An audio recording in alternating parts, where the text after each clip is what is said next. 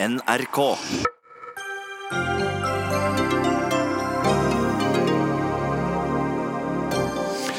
Partene i bompengekrisen i regjeringen de står fortsatt bom fast. Det er ingen snarlig avklaring i sikte. Protestene kom sent, men høylytt. Klima- og miljøministeren har i tolvte time utsatt rivingen av to seterbygninger på Hjerkinn i Oppland. Utsatt altså, men ikke avlyst. Aktivister fra Mosambik har kommet til Norge for å be oljefondet pakke seg ut av en sveitsisk storbank etter ulovlig lån til det sørøstafrikanske landet. Og kan vi stole på valg valgomatene. Vi spør en redaktør om han er veldig enig, litt enig, litt uenig eller helt uenig i at valgomatene er til å stole på.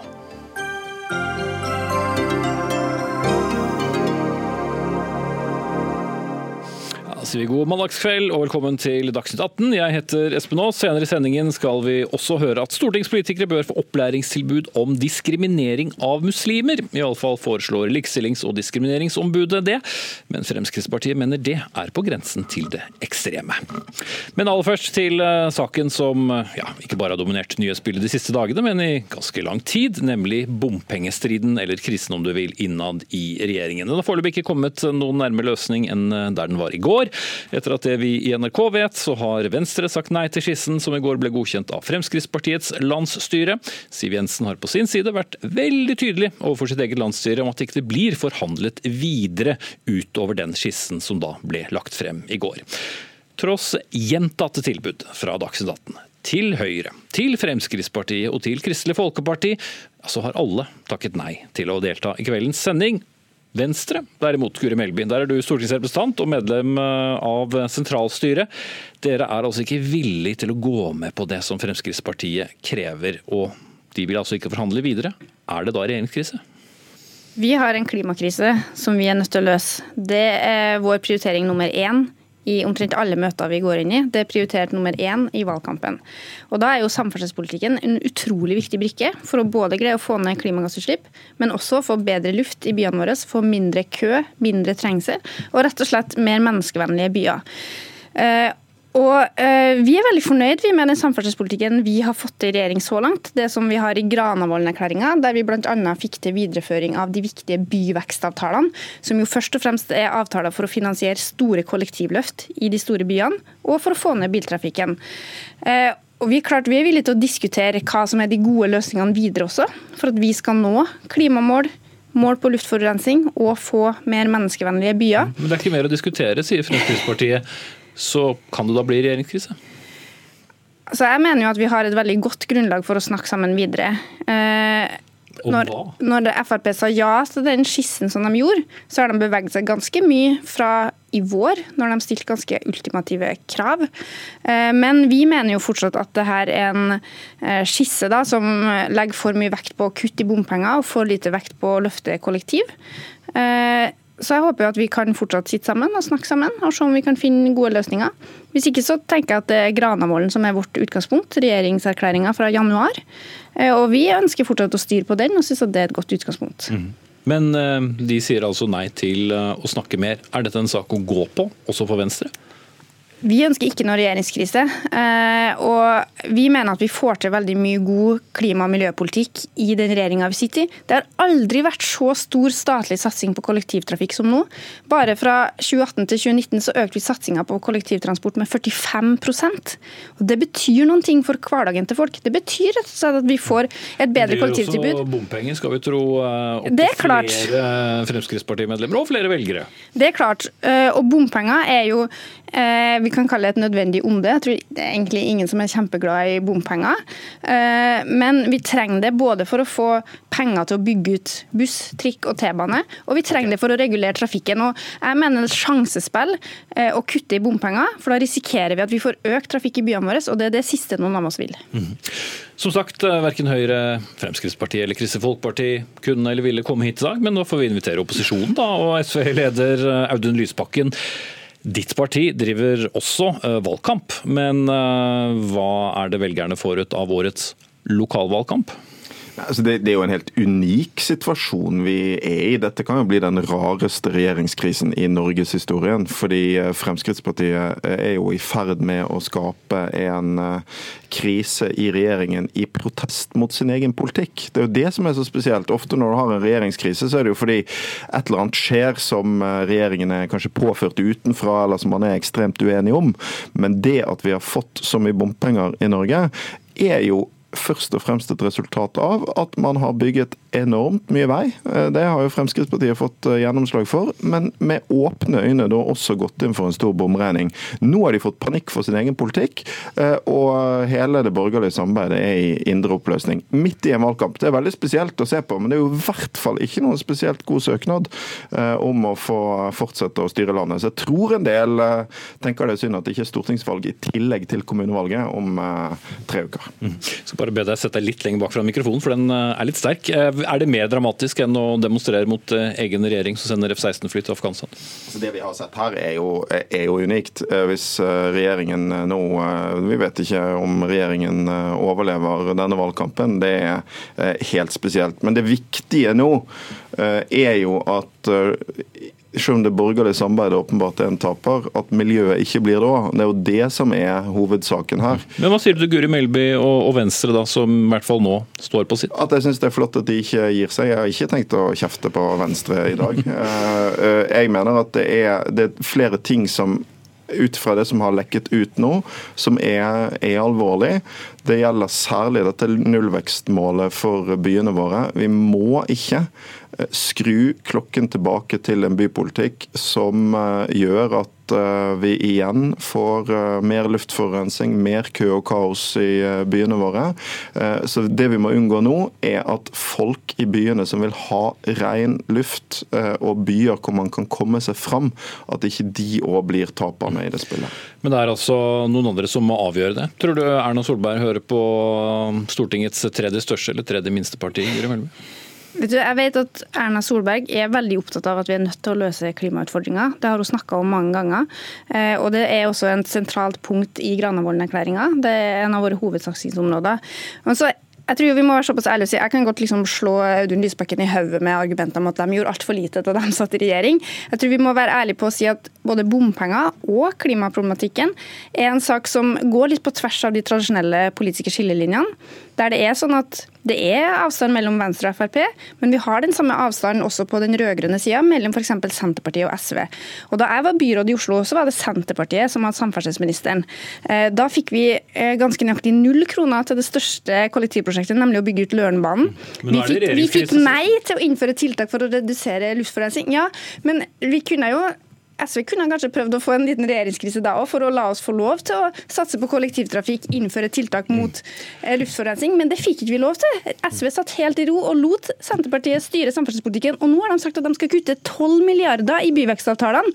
Så utfordringa er jo at her går skillelinjene på kryss og tvers. Jeg vet at SV tar kampene knallhardt når de sitter i regjering, og de vet nå at Venstre kjemper hardt på miljøets side, og det skal jeg love at vi skal gjøre helt to the bitter end. Mm, jeg vet ikke om du skal svare på det som egentlig handler om noe helt annet, eller om vi skal ja, forsøke å holde oss til saken. Jeg prøver å være litt raus her i dag, men, men, men jeg tror jo hvis folk først ser dette opp mot hverandre, så er det vel ingen tvil om hvor det er mest kaos om dagen. Det er borgerlig leir. Jeg tror heller ikke det er noe tvil om hvilket byråd folk oppfatter gjør mest for miljøet i Oslo. Det sittende byrådet er en stor suksess og forandrer virkelig byen, eh, ikke minst for, eh, for miljøet. Men det, det tror jeg sånn er viktig nå.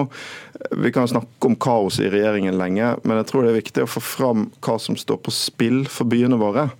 Eh, det er jo eh, for det første eh, altså sånn at vi risikerer å skru klokken tilbake til en transportpolitikk som rett og slett ikke er i stand til å løse de problemene byene står overfor.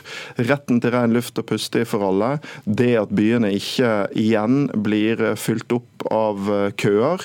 Og så handler det om å ta ungdommen som har streiket for klimaet, på alvor. Det er jo, det er jo disse folk i byene og de som har vist klimaengasjement, vi risikerer at regjeringen vender ryggen. Mens noen av partene vil kanskje heller argumentere med at det handler først og fremst om hvem som skal betale med hvilke penger. Og Kjell Werner Johansen, assisterende direktør ved Transportøkonomisk institutt. Vi hørte deg i eh, Nyhetsmorgen på radioen eh, i dag, eh, men la oss gjenta. altså Basert på det som er lekket ut av detaljer, hvor mye betyr dette egentlig for bilistene? Ja, nei, Nå har jeg gått over tallgrunnlaget dere har kommet med og prøver å tenke om jeg gjorde noe veldig feil i morges. For jeg har fått en del kritikk for det jeg sa, og kommet til at det gjorde jeg ikke. Nei. Dumt å si at det betyr lite. Altså, Det betyr, litt avhengig av hvordan tallene skal forstås, mellom 10 og 15% av den totale bompengeregninga, sånn som den er i, er i år, hvor man regner med at det betales inn 13 milliarder kroner i bompenger. Eh, og så vet vi at det ble betalt inn ca. 11 milliarder kroner i fjor. Sånn at det er liksom tilbake til et 2018-nivå, eller litt, litt, over det, kanskje litt avhengig av hvordan man, man tolker tallene. Mm. Så vi, så det, så vi må helt tilbake til i fjor? For det mye og lite-spørsmålet er jo relativt og, og subjektivt, så det, så, så det, holder. Så jeg skal jo passe meg eh, for det. Hvis dette smøres jevnt utover, så betyr det da et, inntil et sånn par kroner for meg når jeg kjører til gjennom bomringen her. Mm. Men så sier jo Lysbakken og for så vidt Melby også at de er opptatt av at eh, vi ikke skal tape på eh, dårligere luft og dårligere miljø. Men må det nødvendigvis være en del av pakken?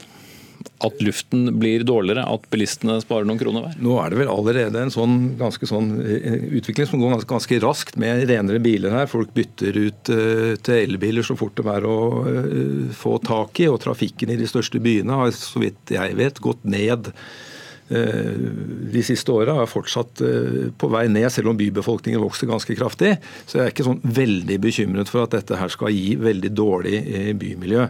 Sånn, hvis jeg regner litt på tommelen, så, så kan en, en 10-15% reduksjon i bomsatsene i, i byene kan, kan, kanskje gi sånn i størrelsesorden 1-2 setback, da, eller økning igjen i, i, i, i eh, personbiltrafikken. Og Det, det, er klart, det er jo, For de som vil ha det ned, så er det opp, men det er ikke veldig dramatisk. Si. Sist gang du satt i studio her, eh, du skal sikkert tallene bedre, men så sa du også at samlet sett så har jo avgiftstrykket på bilistene de siste årene også gått ned. Ja, Om jeg husker tallene rett, så gikk de fra fram til 2018 ned i reelle 2018-kroner. Altså avgiftene på drivstoff, øh, kjøpsavgifter, øh, årsavgifter og sånt nå. Statens inntekter på det, altså det bilistene til sammen betalte, gikk ned med 13 milliarder kroner øh, over den seksårsperioden fra den nye regjeringen tiltrådte til i fjor. Og det er jo atskillig større nedgang der enn hva bompengebelastningen har økt i de åra. Så bilistene som gruppe er kommet bedre ut over tid. Vi har blitt flere og rikere også, skal huske på det. Ja, Melby. Vil for, for, et par kroner i, i bompengepassering, hvem bør eh, Erna Solberg velge? Lille Venstre, store Frp? Erna Solberg bør velge framtida, hun bør velge ungene våre, hun bør velge klimaet, hun bør velge ren luft. Mm. Men hun må velge mellom dere? Jeg håper at hun slipper det. Vi får se. Eh, regjeringspartiene har i hvert fall sittet eh, i regjeringskonferanse siden tidlig i ettermiddag. Siv Jensen skal i partilederutspørring her på NRK1 etter eh, Dagsrevyen i dag. Vi får se hva hun har å fortelle i sakens anledning. Vi sier takk til SV-leder Audun Lysbakken, assisterende direktør ved Transportøkonomisk institutt Kjell Werner Johansen og Venstres Guri Melby. Og så må vi jo analysere denne situasjonen, for selv om partene selv ikke snakker åpent til oss og vil komme i Dagsnytt 18-studio, så vet vi jo litt om det som skjer likevel. Så vi forsøker å analysere tingenes tilstand noe. Politisk redaktør i Aftenposten Trine Eilertsen. Er det helt reelt at denne regjeringen kan sprekke pga. en sak som handler om et par kroner i hver bompengepassering? Altså, nå har disse sakene en dynamikk som gjør at det er vanskelig å slå fast det ene eller det andre. Vil overraske meg veldig hvis han gjør det. Eh, men eh, det er en voldsom irritasjon eh, som er ganske sterk, og som har blitt sterkere opplever jeg det siste døgnet. Både i Frp og i Venstre. Irritasjon på den andre parten, altså motpolen i regjeringen. Irritasjon over måten dette har skjedd på, at Frp hadde dette møtet i går. Og tilsvarende irritasjon over at Venstre er så treg med å respondere underveis når disse, disse endringene blir lagt frem. Politisk kommentator her i NRK, Lars Nehru Sand. Hvem er saken verst for, hvis det går an å sette det opp mot hverandre, Fremskrittspartiet eller Venstre? Den skissen, eller med, med de lekkasjene av, som har kommet det siste døgn, så er det klart at eh, Frp sitt største nederlag, nemlig at det er bompenger i dette landet, selv etter seks år med, med Frp i regjering, det nederlaget er jo eh, på en måte innrømmet eller innkassert for lenge siden. Og så har det eh, selvfølgelig ballet på seg i, i vår og, og, gjennom sommeren eh, som følge av den eh, velgerveksten eh, FNB har sett på, på målingene. og som ja, og som Frp tilsvarende har tapt velgere til. Men hvis Venstre skulle sagt ja til skissen slik den foreligger nå, så er jo det klimapolitiske endringen det vil være, og, og egentlig jekke ikke på eh, selve nullvekstmålet med biltrafikk inn i og, og til de store byene. Eh, et større politisk eh, nederlag å svelge for Venstre. må huske på at Dette er noe det er stortingsflertall for. Alle partiene på Stortinget unntatt Fremskrittspartiet gikk med på dette i sin tid, tilbake i 2012. Så hvis Venstre nå skulle si at vi går med på å redusere bompengeprisen, selv om det fører til mer biltrafikk, så er det et stort politisk nederlag for Venstre, og, og lett å skjønne at de kjemper med nebb og klør mot det. Mhm. Men altså, du nevnte deg, Eilertsen. Fremskrittspartiet har altså styrt samferdselspolitikken i Norge i seks år, og så blir den samme politikken plutselig et problem pga. meningsmålinger. Skal det ikke da ganske mye til for at man skal få med seg velgerne i at Fremskrittspartiet likevel har løsningen og ikke er en del av problemet? Ja, altså, Det er ikke alt dette som alltid er like rasjonelt, har det, har nær sagt. Altså, som du sier, Frp har styrt det politikkområdet. De har skrytt veldig av det. De har vært veldig fornøyde med økningen i budsjettene. De har vært, vist frem prosjektene de har fått til. Ikke snakket så høyt om bompengeandel, men når de har gjort det, så har de sagt at andelen har gått ned, og vi har gjort så godt vi kan. og Ingen kunne i hvert fall gjort det bedre. Så kommer, og Det har velgerne egentlig kjøpt. Og så kommer dette bompengepartiet og sier ja, men det tror ikke vi på. Vi tror det er mer å gjøre. Eh, og så ser vi at velgerne velgerne responderer på det. Så det har vært en sånn sovende irritasjon egentlig, som er blitt vekket nå. Eh, og Høyre også, må vi huske, har tapt mange velgere til bompengepartiet, ikke minst i Erna Solbergs egen hjemby Bergen. sånn at Eh, den litt sånn kriseerkjennelsen finnes også i Høyre, ikke bare i Frp. Sånn at det er en vilje til å gjøre noe her nå, også for, eh, for Erna Solberg sin partis del. Mm. Og Der må det vel være ganske stort press, for som jeg gjentok flere ganger i den forrige samtalen med, med politikerne, så er det kanskje til sjuende og sist hun som må legge tungen på vektskålen? Ja, og hvis hun da må sette eh, Fremskrittspartiet og Venstres ønsker opp mot hverandre, så er det en krevende lederjobb for eh, statsministeren. Men, men sånn, som er, sånn som det ser ut nå, så kan ikke eh, begge to være fornøyd med, med eller samtidig. Og det som blir ekstra dumt for, for Erna Solberg, er jo hvis Venstre, med, med, det som har skjedd gjennom helgen, nå er avhengig av å måle egne seire i form av smertefulle nederlag for Frp. For da blir det enda vanskeligere vanskeligere å blidgjøre begge partiene eh, samtidig. Og nå har jo Frp også lagt mye i kurven ved å si at de ikke engang vil eh, snakke om noe mer.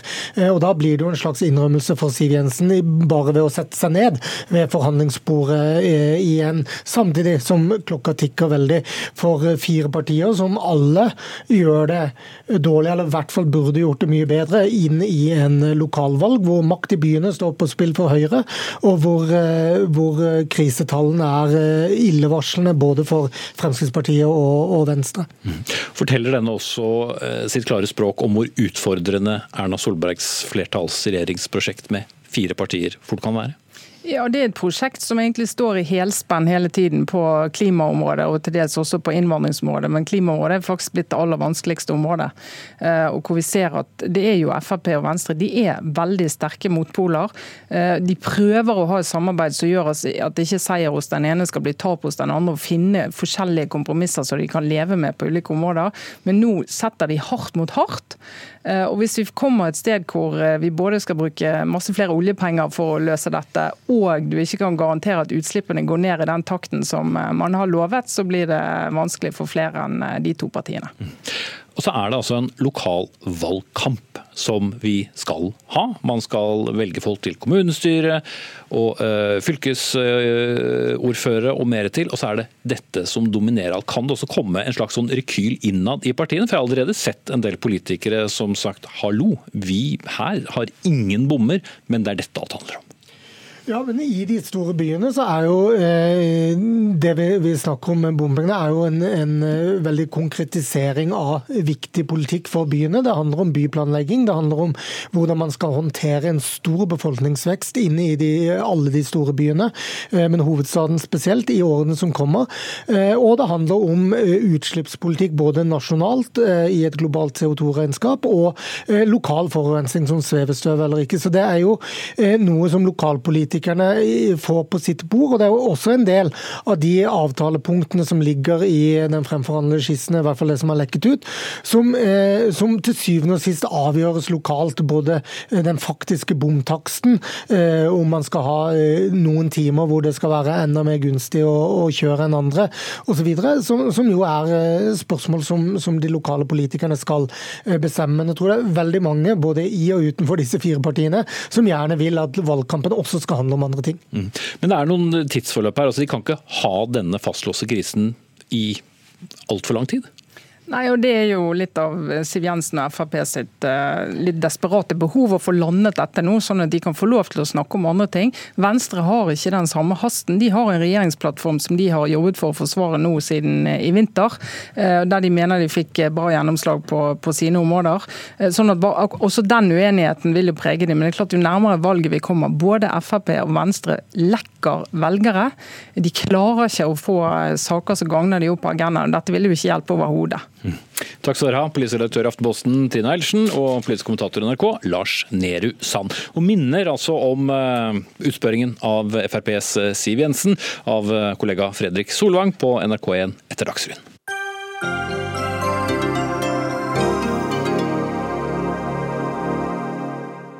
Knapt eh, et døgn før Forsvarsbygg skulle begynne rivingen av to seterbygninger i Vestli på Hjerkinn i Oppland, har klima- og miljøministeren bestemt seg for å utsette saken inntil videre. For den siste tiden har 12 000 skrevet under på et opprop mot denne rivingen. Aksjonister har også varslet at de vil lenke seg til bommen på Hjerkinn, som stenger veien inn til dette verneområdet på Dovrefjell for motorisert ferdsel noe de da ikke trenger å gjøre helt med det første. Og Ola Elvestuen, klima- og miljøminister, um, er det bare å rope høyt nok? Dette er litt av den situasjonen vi er i. Det er eh, å reetablere gamle Hjerken skytefelt til et naturområde. Det er jo det største naturrestaureringsprosjektet som er i Europa. Forsvarsbygd Forsvarsbygda har gjort en stor innsats for å få den tilbake. Dette siste handler om at vi skal tilrettelegge og ta bedre vare på villreinen. En av de siste villreinstappene av den opprinnelige fjellreinen i Europa. Eh, og da er det Vanligvis så er det når du har eh, tiltak som er ødeleggende for natur, at vi har de største demonstrasjonene.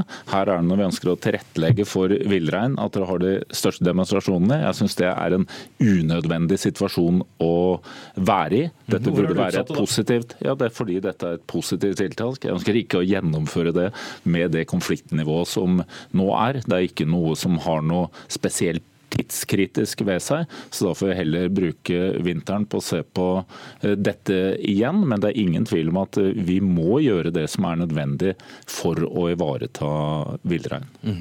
Men nå lurer sikkert veldig mange på hvorfor er det nødvendig å, å rive disse to eh, byggene? Har det noe å si?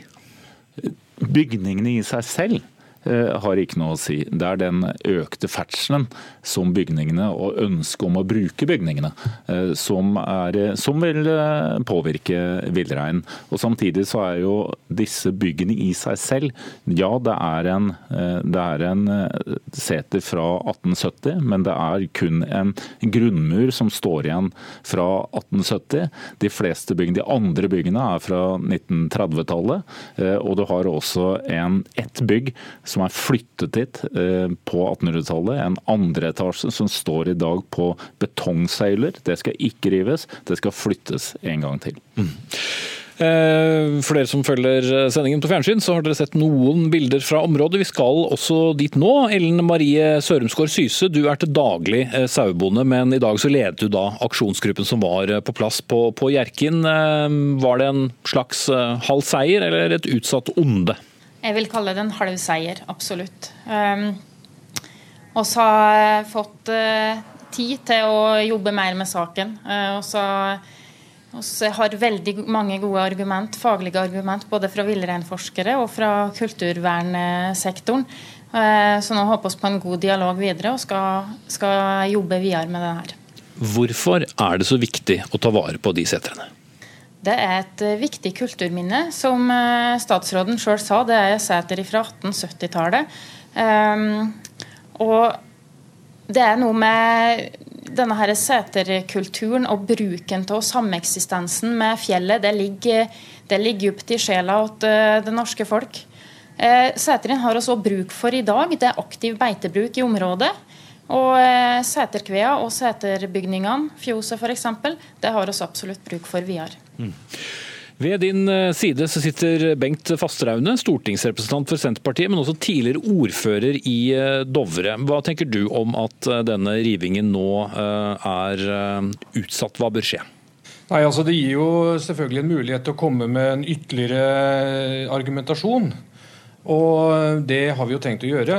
Eh, samtidig så er jo dette en sak som har versert lenge. Og som Elvestuen sjøl sa, så dreier jo dette seg om å ivareta villreinen på en god måte. Og vi mener at eh, det å beholde disse setrene har ingen betydning for eh, det overordna målet. Elvestuen?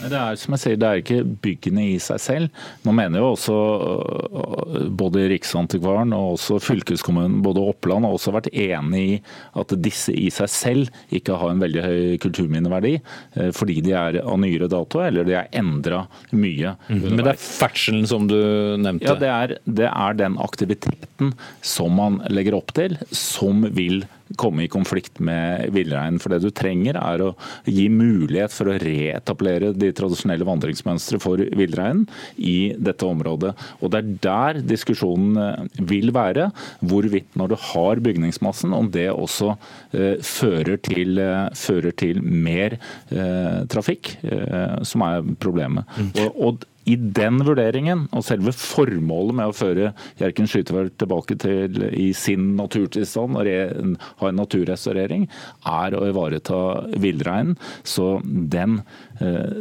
den, prioriteringen må fortsatt være det. Mm.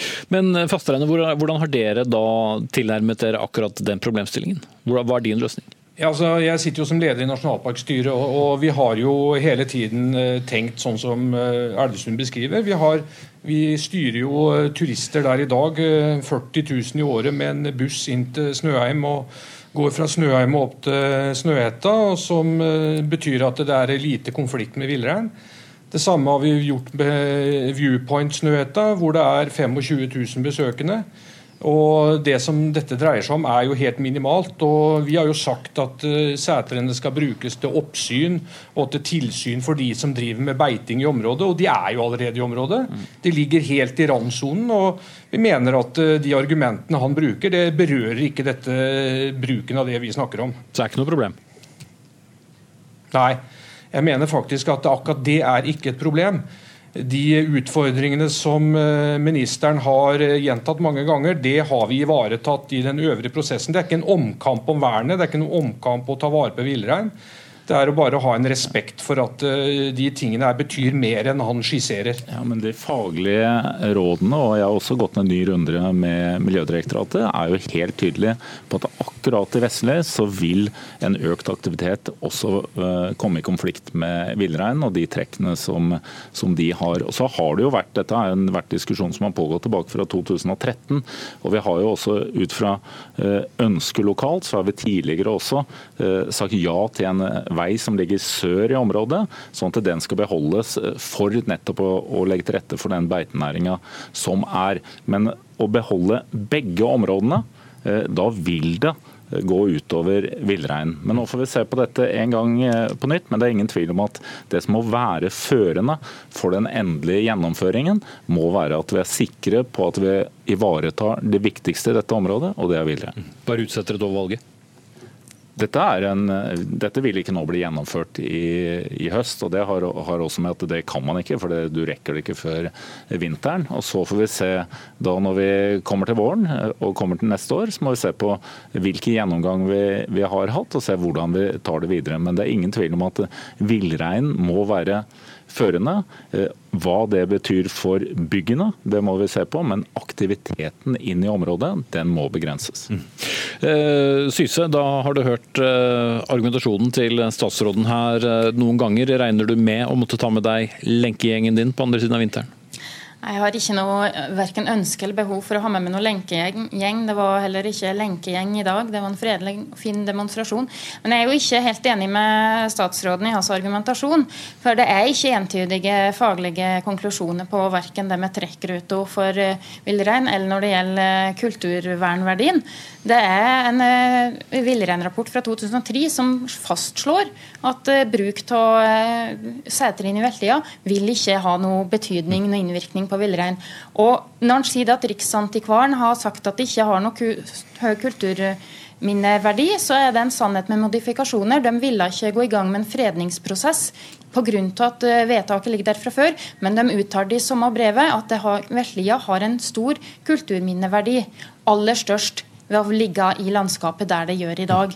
Og Den ferdselen som, eh, som statsråden prater om, den vil være minimal inntil en inntil Sæter. Det er to bommer der i dag, og det er ikke noe problem å opprettholde den ferdselsrestriksjonen hvis forvaltninga ønsker det. Ok, Da har han fått de rådene, i tillegg til de han har fra før, og kan ta med de tilbake til departementet når de skal se på dette på nytt. Takk til aksjonsleder Ellen Marie Sørumgård Syse og Bengt Fasteraune, stortingsrepresentant for Senterpartiet og tidligere ordfører i Dovre, og Ola Elvestuen, klima- og miljøminister.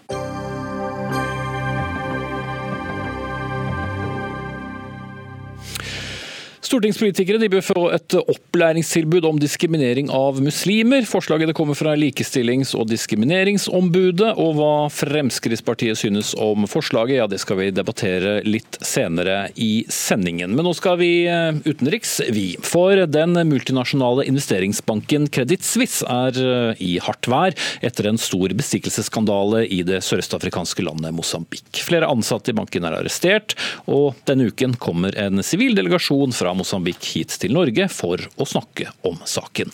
En liten tvist oppi det hele er at oljefondet, eller pensjonsfondet utland om du vil, er nest største eier i Kreditt Suisse. Helge Rønning, du er professor emeritus ved Universitetet i Oslo og en Mosambik-kjenner. Dette er jo en sak som strekker seg over en viss tid, men hvis du kort kan sette seerne og lytterne våre inn i hva slags sak dette er? I 2013 så tok den eh, mosambikanske regjering, den daværende mosambikanske regjering opp lån på ca. 20 milliarder dollar i Credit Suisse, som er en sveitsisk bank, og VTB, som er en russisk bank, for å kjøpe tre selskaper. Som de En tunfiskselskap med 32 båter. Et uh, selskap som skulle fungere som reparasjonsselskap for disse båtene, og et selskap som skulle være en del av sikkerhetssystemet i landet. Disse lånene skulle vært gjennom parlamentet i landet. Ble ikke gått gjennom parlamentet, men ble tatt opp uh, av den daværende regjering uten at det var noen som visste om det. Det var hemmelige lån. Etterpå så har denne saken gått fram og tilbake. Den ble avslørt for første gang i 2014-2015. Da trakk de utenlandske giverne seg fra direkte budsjettstøtte til Mosambik. Og så ble det nedsatt en internasjonal undersøkelse av dette, som ble betalt av Sverige, av det store firmaet Kroll. Kroll-rapporten den kom i 2017, som viste da at 500 millioner dollar var forsvunnet av disse to 20 milliardene. Mm. Og dette førte nå til at uh, i år så er det da blitt foretatt arrestasjoner. og Det begynte med at den daværende finansministeren ble arrestert 29.12. i Sør-Afrika. Mm. Også da, som jeg nevnte innledningsvis, eh, ansatte i Credit Suisse? De ble arrestert noe senere. De ble arrestert i mars-april. Mm. Og I tillegg så er det blitt tatt ut eh, tiltale mot DS firma, som er et libanesisk firma med sete i Abu Dhabi, som har for, formidlet disse lånene. Og Det er det også tatt ut tiltale mot. Mm. Så kommer det altså, eh, eller Før vi kommer til delegasjonen som er her nå, eh, og bare for å bringe det på det rene. Norge har jo også relativt tette bånd til Mosambik. Vi hadde jo statsbesøk eh, derfra i var det november i fjor? Det var det. Da kom presidenten. Mm. ja. Ja, og det har vært en lang, lang eh, et forhold mellom Norge og Mosambik siden Mosambik ble selvstendig. Med mye bistand, og bistand som har fungert rimelig godt. Mm. Poenget er at disse lånene ble tatt ut tatt opp ut fra at man ville regnet med å få store inntekter fra de store gassfeltene nord i landet, som ennå ikke er satt i produksjon. Og en av grunnene til at de ikke er satt i produksjon, det har vært veldig uklarhet om finansen i landet. Og det har bl.a. skyldtes disse ulovlige lånene. Nå er to av disse lånene blitt restrukturert, dvs. Si de er blitt solgt til såkalte gribbefond, som gjør at Mosambik må betale enda mer for dette. Kreditt Suisse har fått mer eller mindre tilbake pengene sine, men de mosambikanske befolkning, mosambikanske stat, må betale for dette. her. Og Det er grunnen til at denne delegasjonen er nå. For de sier vi vil ikke betale for disse lånene. Disse lånene var ulovlige i første omgang, og de skal ikke betales for. Mm. Og så er det altså krav om da at eh, oljefondet, som eh, en relativt eh, stor eier da i Credit ikke bør sitte som eier. Ja, og Det hører ikke bare sammen med denne saken, det hører også sammen med at Kreditt Suisse er en ganske beryktet bank. De har i løpet av de siste fire årene hatt en lang rekke saker mot seg for skatteunndragelser, for korrupsjon. De er blitt dømt for korrupsjon i USA. Så det er en bank som ikke blir regnet for å være på linje med det som de etiske retningslinjene som oljefondet opererer etter. Mm. Ja, vi skal snakke litt om det nå, for Gro Nystuen, assisterende direktør ved Norges institusjon for menneskerettigheter og tidligere leder av Petroleumsfondets folkerettsråd. Hvor lett er det, eller vanskelig, for Pensjonsfondet utland, da, for å bruke det korrekte navnet, å selge seg ut av et selskap og gi en god begrunnelse? Det er jo ganske omstendelig prosess. Eh, nå sitter jo ikke jeg i Etikkrådet for eh, oljefondet lenger, og jeg kjenner ikke denne saken. Jeg vet selvfølgelig ikke hvordan den er blitt behandlet der. Men Etikkrådet kan altså anbefale uttrekk av selskaper som bryter med de etiske retningslinjene. Og Det er to mulige grunnlag i de etiske retningslinjene, så vidt jeg kan se her. Det ene er eh, grov korrupsjon, og det andre er såkalte andre særlig grove brudd på grunnleggende etiske normer, som er en sånn bestemmelse man kan bruke hvis ikke en sak fanges opp av de andre retningslinjene. Ellers så er det jo snakk om menneskerettigheter og miljø osv. Men det er disse som gjelder her. Eh, det som er et av eh, de vanskelige punktene, vil jeg tro, i denne saken her, eh, uten at jeg kjenner den, er at det det etiske systemet er basert på at man ikke ønsker å medvirke til uetiske handlinger. og Det betyr at man er fremoverskuende. altså Man ønsker ikke å medvirke til ting som enten foregår per i dag eller som vil skje fremover i tid. Men det er ikke tilbakeskuende. Og derfor Man kan ikke straffe et Nei. selskap for noe det har gjort. Så Nei. I andre tilfeller, f.eks. hvor oljefondet har trukket seg ut pga. dårlig behandling av arbeidere, fagforeningsnekt osv., f.eks., mm. Eh, så kan de fort endre seg igjen da, hvis de tillater samme ting. Ja, altså Det vil alltid være en, en, vurdering av kommer dette til å fortsette å skje. Er det en risiko for at det vil fortsette å skje i fremtiden?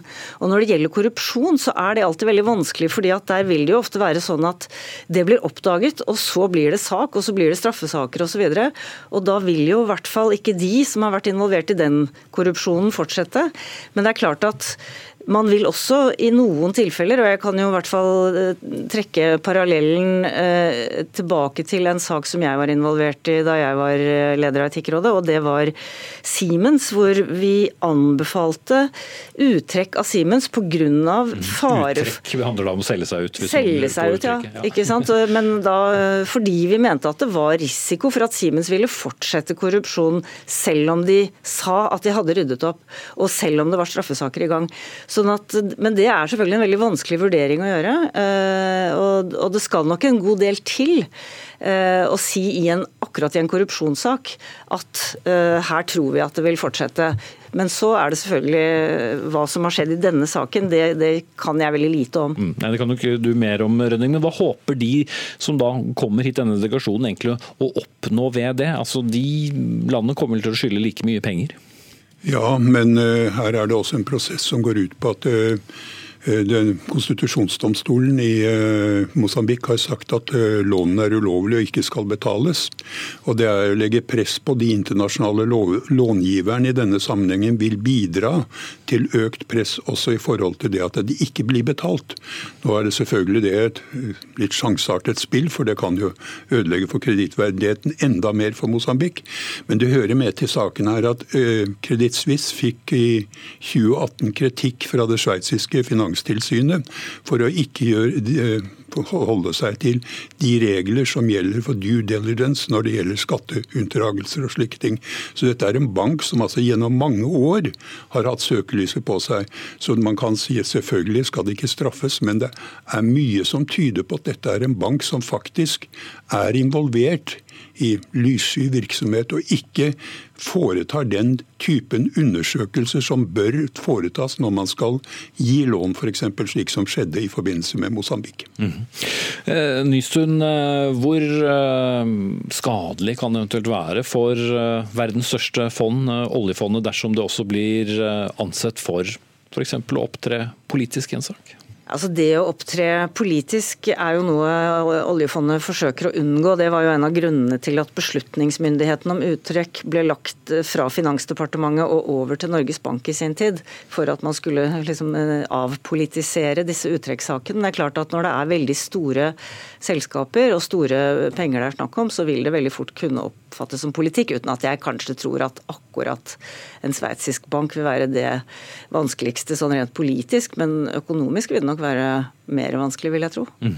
Så er det sånn i sånne saker at vi får aldri vite om hva slags diskusjoner som skjer der, men vi får eventuelt vite når det er tatt en eh, avgjørelse. Så vi får se. Takk skal du ha, Gro Nystuen, assisterende direktør ved Norges institusjon for menneskerettigheter, og tidligere eh, leder av Petroleumsfondets folkerettsråd, og Helge Rønning, professor ved Universitetet i Oslo.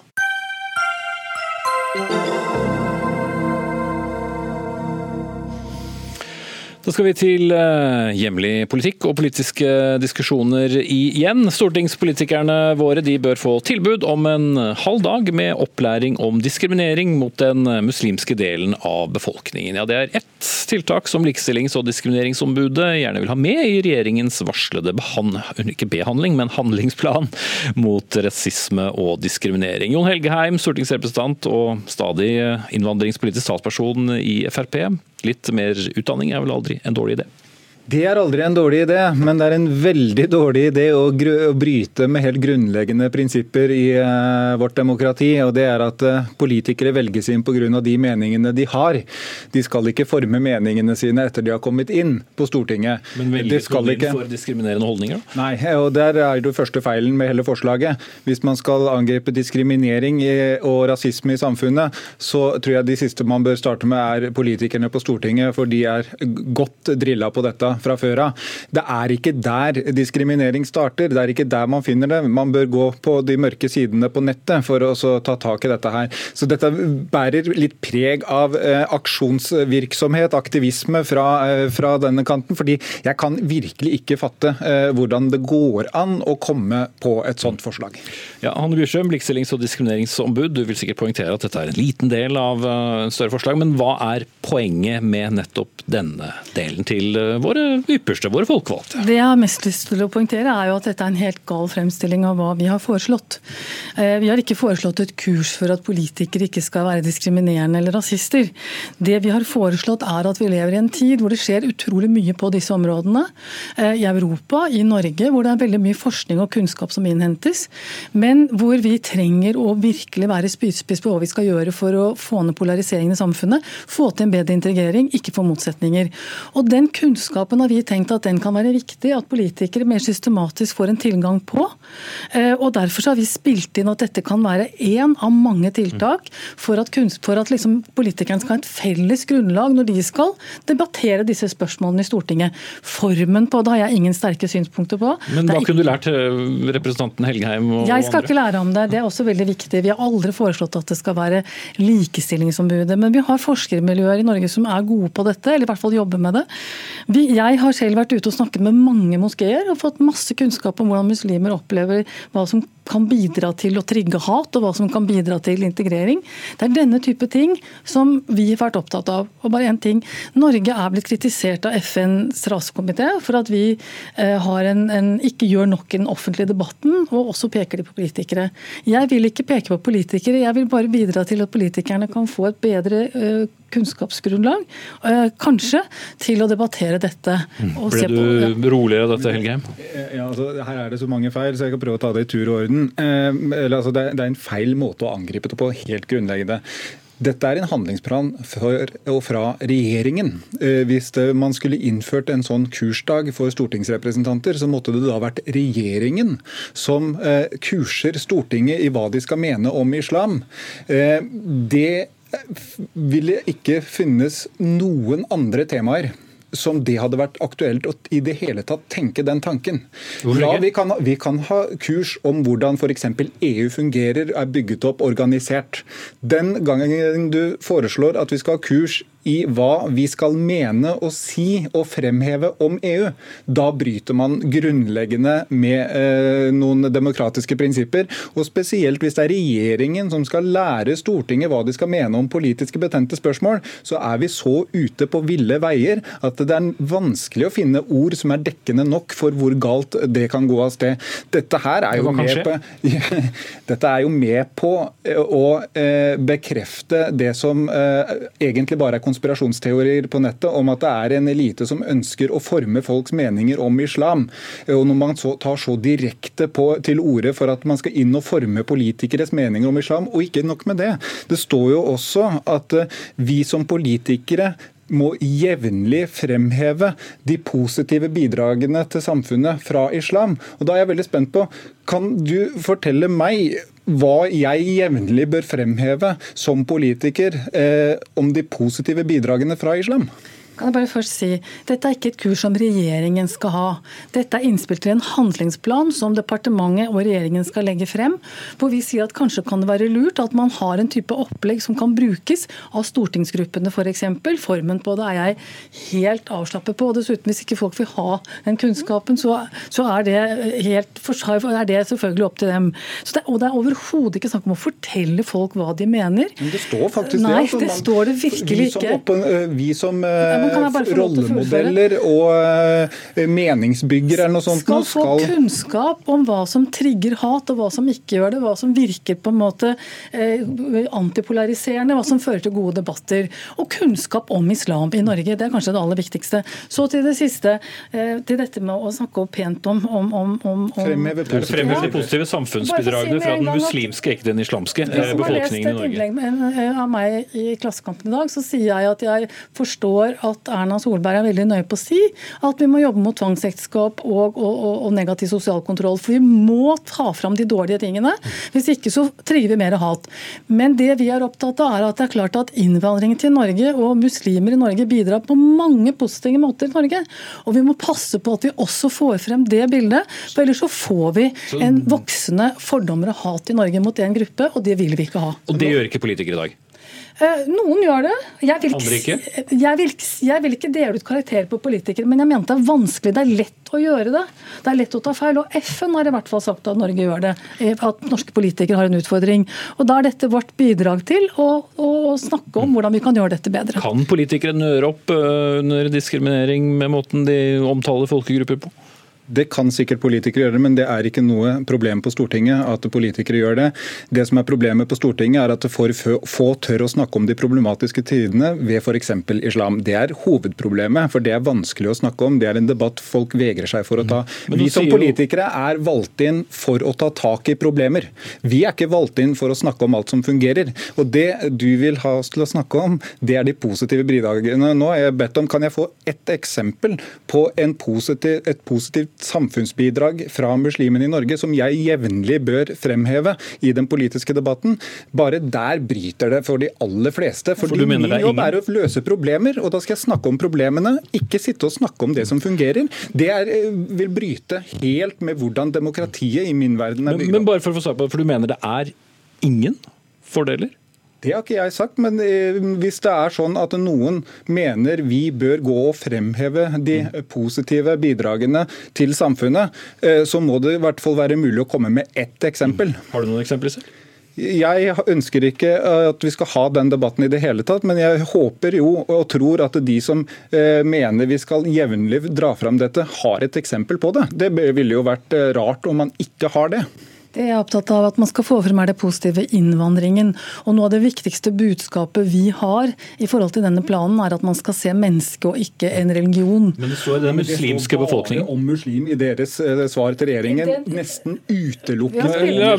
Vi har spilt inn veldig mange, mange ting, men fordi denne handlingsplanen som regjeringen nå jobber med, ikke hadde tenkt å ha spesielt om muslimer, så har vi vært opptatt av å spille inn på den biten. Og Det vi er veldig opptatt av, er at vi må snakke om muslimer som individer i dette landet, og ikke som muslimer. Vi må, møte, vi må ha møteplasser hvor man møter folk og ikke muslimer. Har, noen har en religion, andre har en annen religion. Men kjennskap til den religionen er viktig at også politikere og samfunnet har. Jeg har lært mye av møtet med muslimer om hvordan, dette kan fungere, altså hvordan en tro kan fungere i vårt veldig sekulære samfunn. Den type kunnskap tror jeg vi har godt av alle sammen for å åpne opp og ikke lukke igjen. For vi er enige. Det vi to ønsker sammen, er et samfunn som fungerer godt med tillit og harmoni. Og Da er det viktig gjennom kunnskap å bygge ned fordommer, og ikke bygge opp fordommer. Men stortingspolitikere reiser jo, i hvert fall hvis du hører på dem, reiser jo hele tiden og snakker med vanlige folk, eh, og tilegner seg jo en masse kompetanse. Helgheim innenfor innvandring Hvilke dag og møtte muslimer og snakka om dette. Nå. Eh, burde ikke de da kunne klare å tilegne seg nettopp det kunnskapen på egen hånd? Absolutt. og Derfor har denne saken kommet helt ut av proporsjoner. Dette er min måte å møte en kritikk som norske politikere har fått av FN på, som jeg mener er sånn, øh, kan være en fornuftig ting. fordi det er veldig forskjellig hva politikere gjør. Men hvis det er sånn at politiske Norge syns at det å ha et eller annet type ferdig opplegg som forskere kan presentere, er så uh, skummelt, så skal vi da virkelig ikke gå for det. Mm. Der fikk du den forsikringen. Du skal slippe å svare på det nå, for tiden er ute. Takk skal du ha, Jon Helgheim, stortingsrepresentant fra Fremskrittspartiet. Hanne Bjursøm, likestillings- og disk diskrimineringsombud.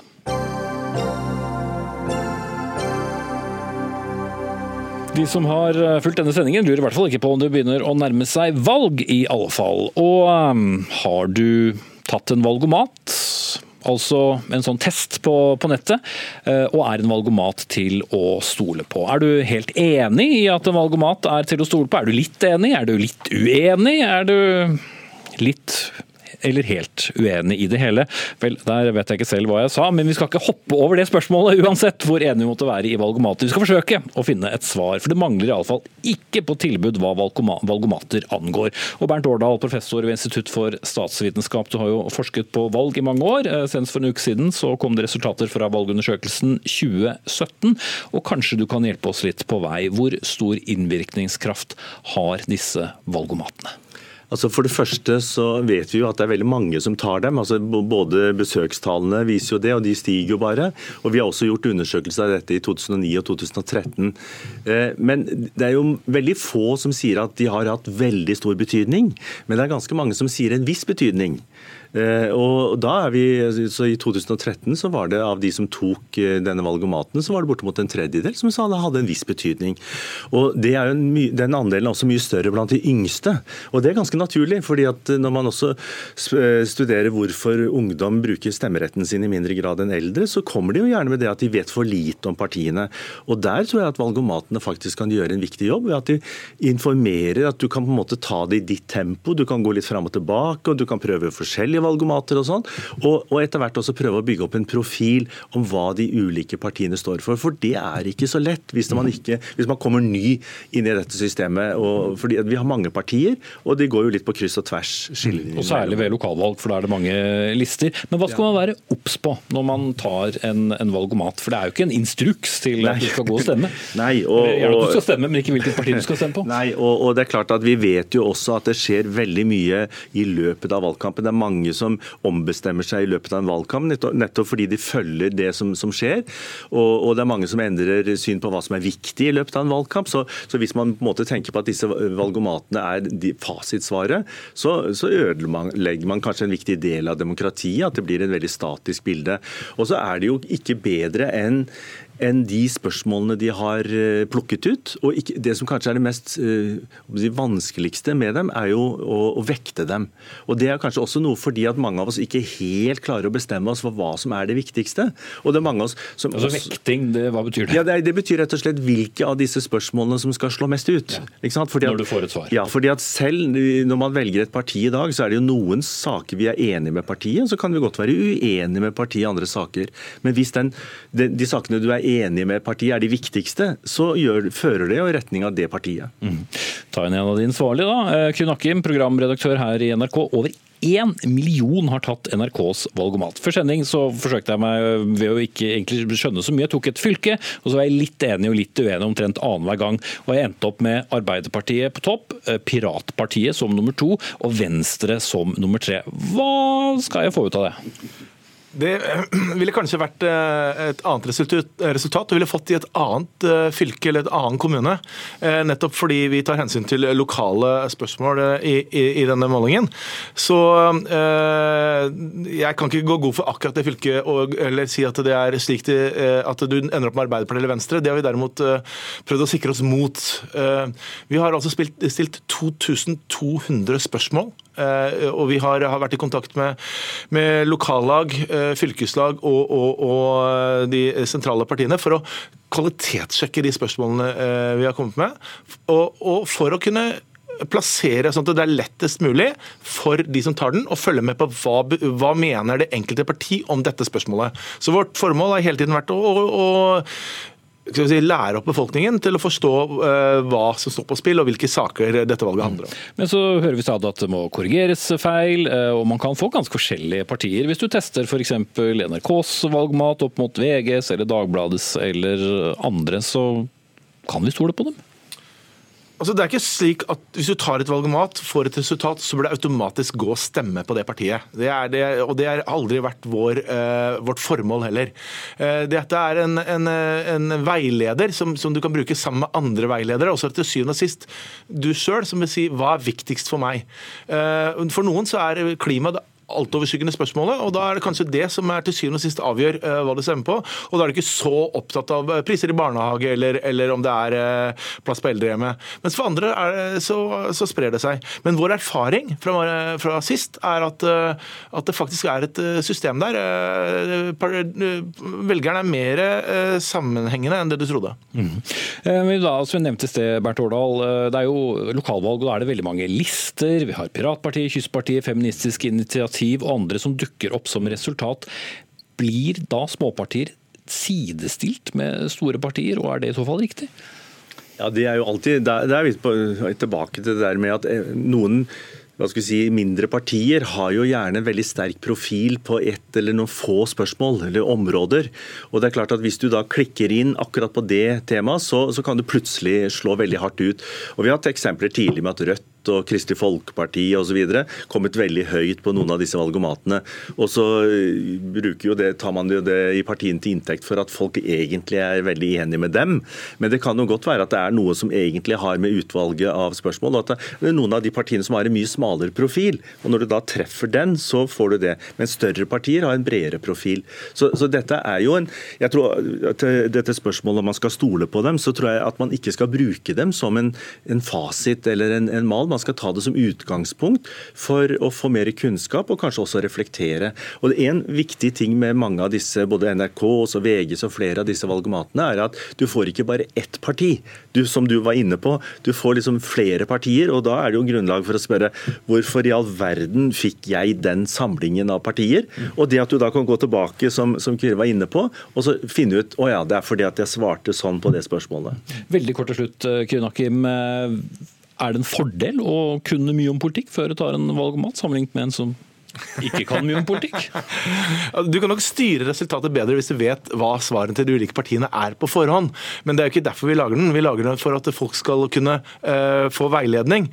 Og uh, det viser seg at er, uh, de er fornøyd. Altså, det, når vi spurte folk sist, så var det altså for hele befolkningen 29% som mente at det var en viktig informasjon for de i valget. Da har vi ikke litt eller bitte litt tid igjen. Vi har nesten ikke noe tid igjen, så jeg må si takk til Kun Akim og Bernt Årdal. Ansvarlig for sendingen det var Jaran Ree Mikkelsen. Det tekniske ansvaret hadde Hans Ole Humlevold. Jeg heter Espen Aas. Vi er tilbake igjen i morgen.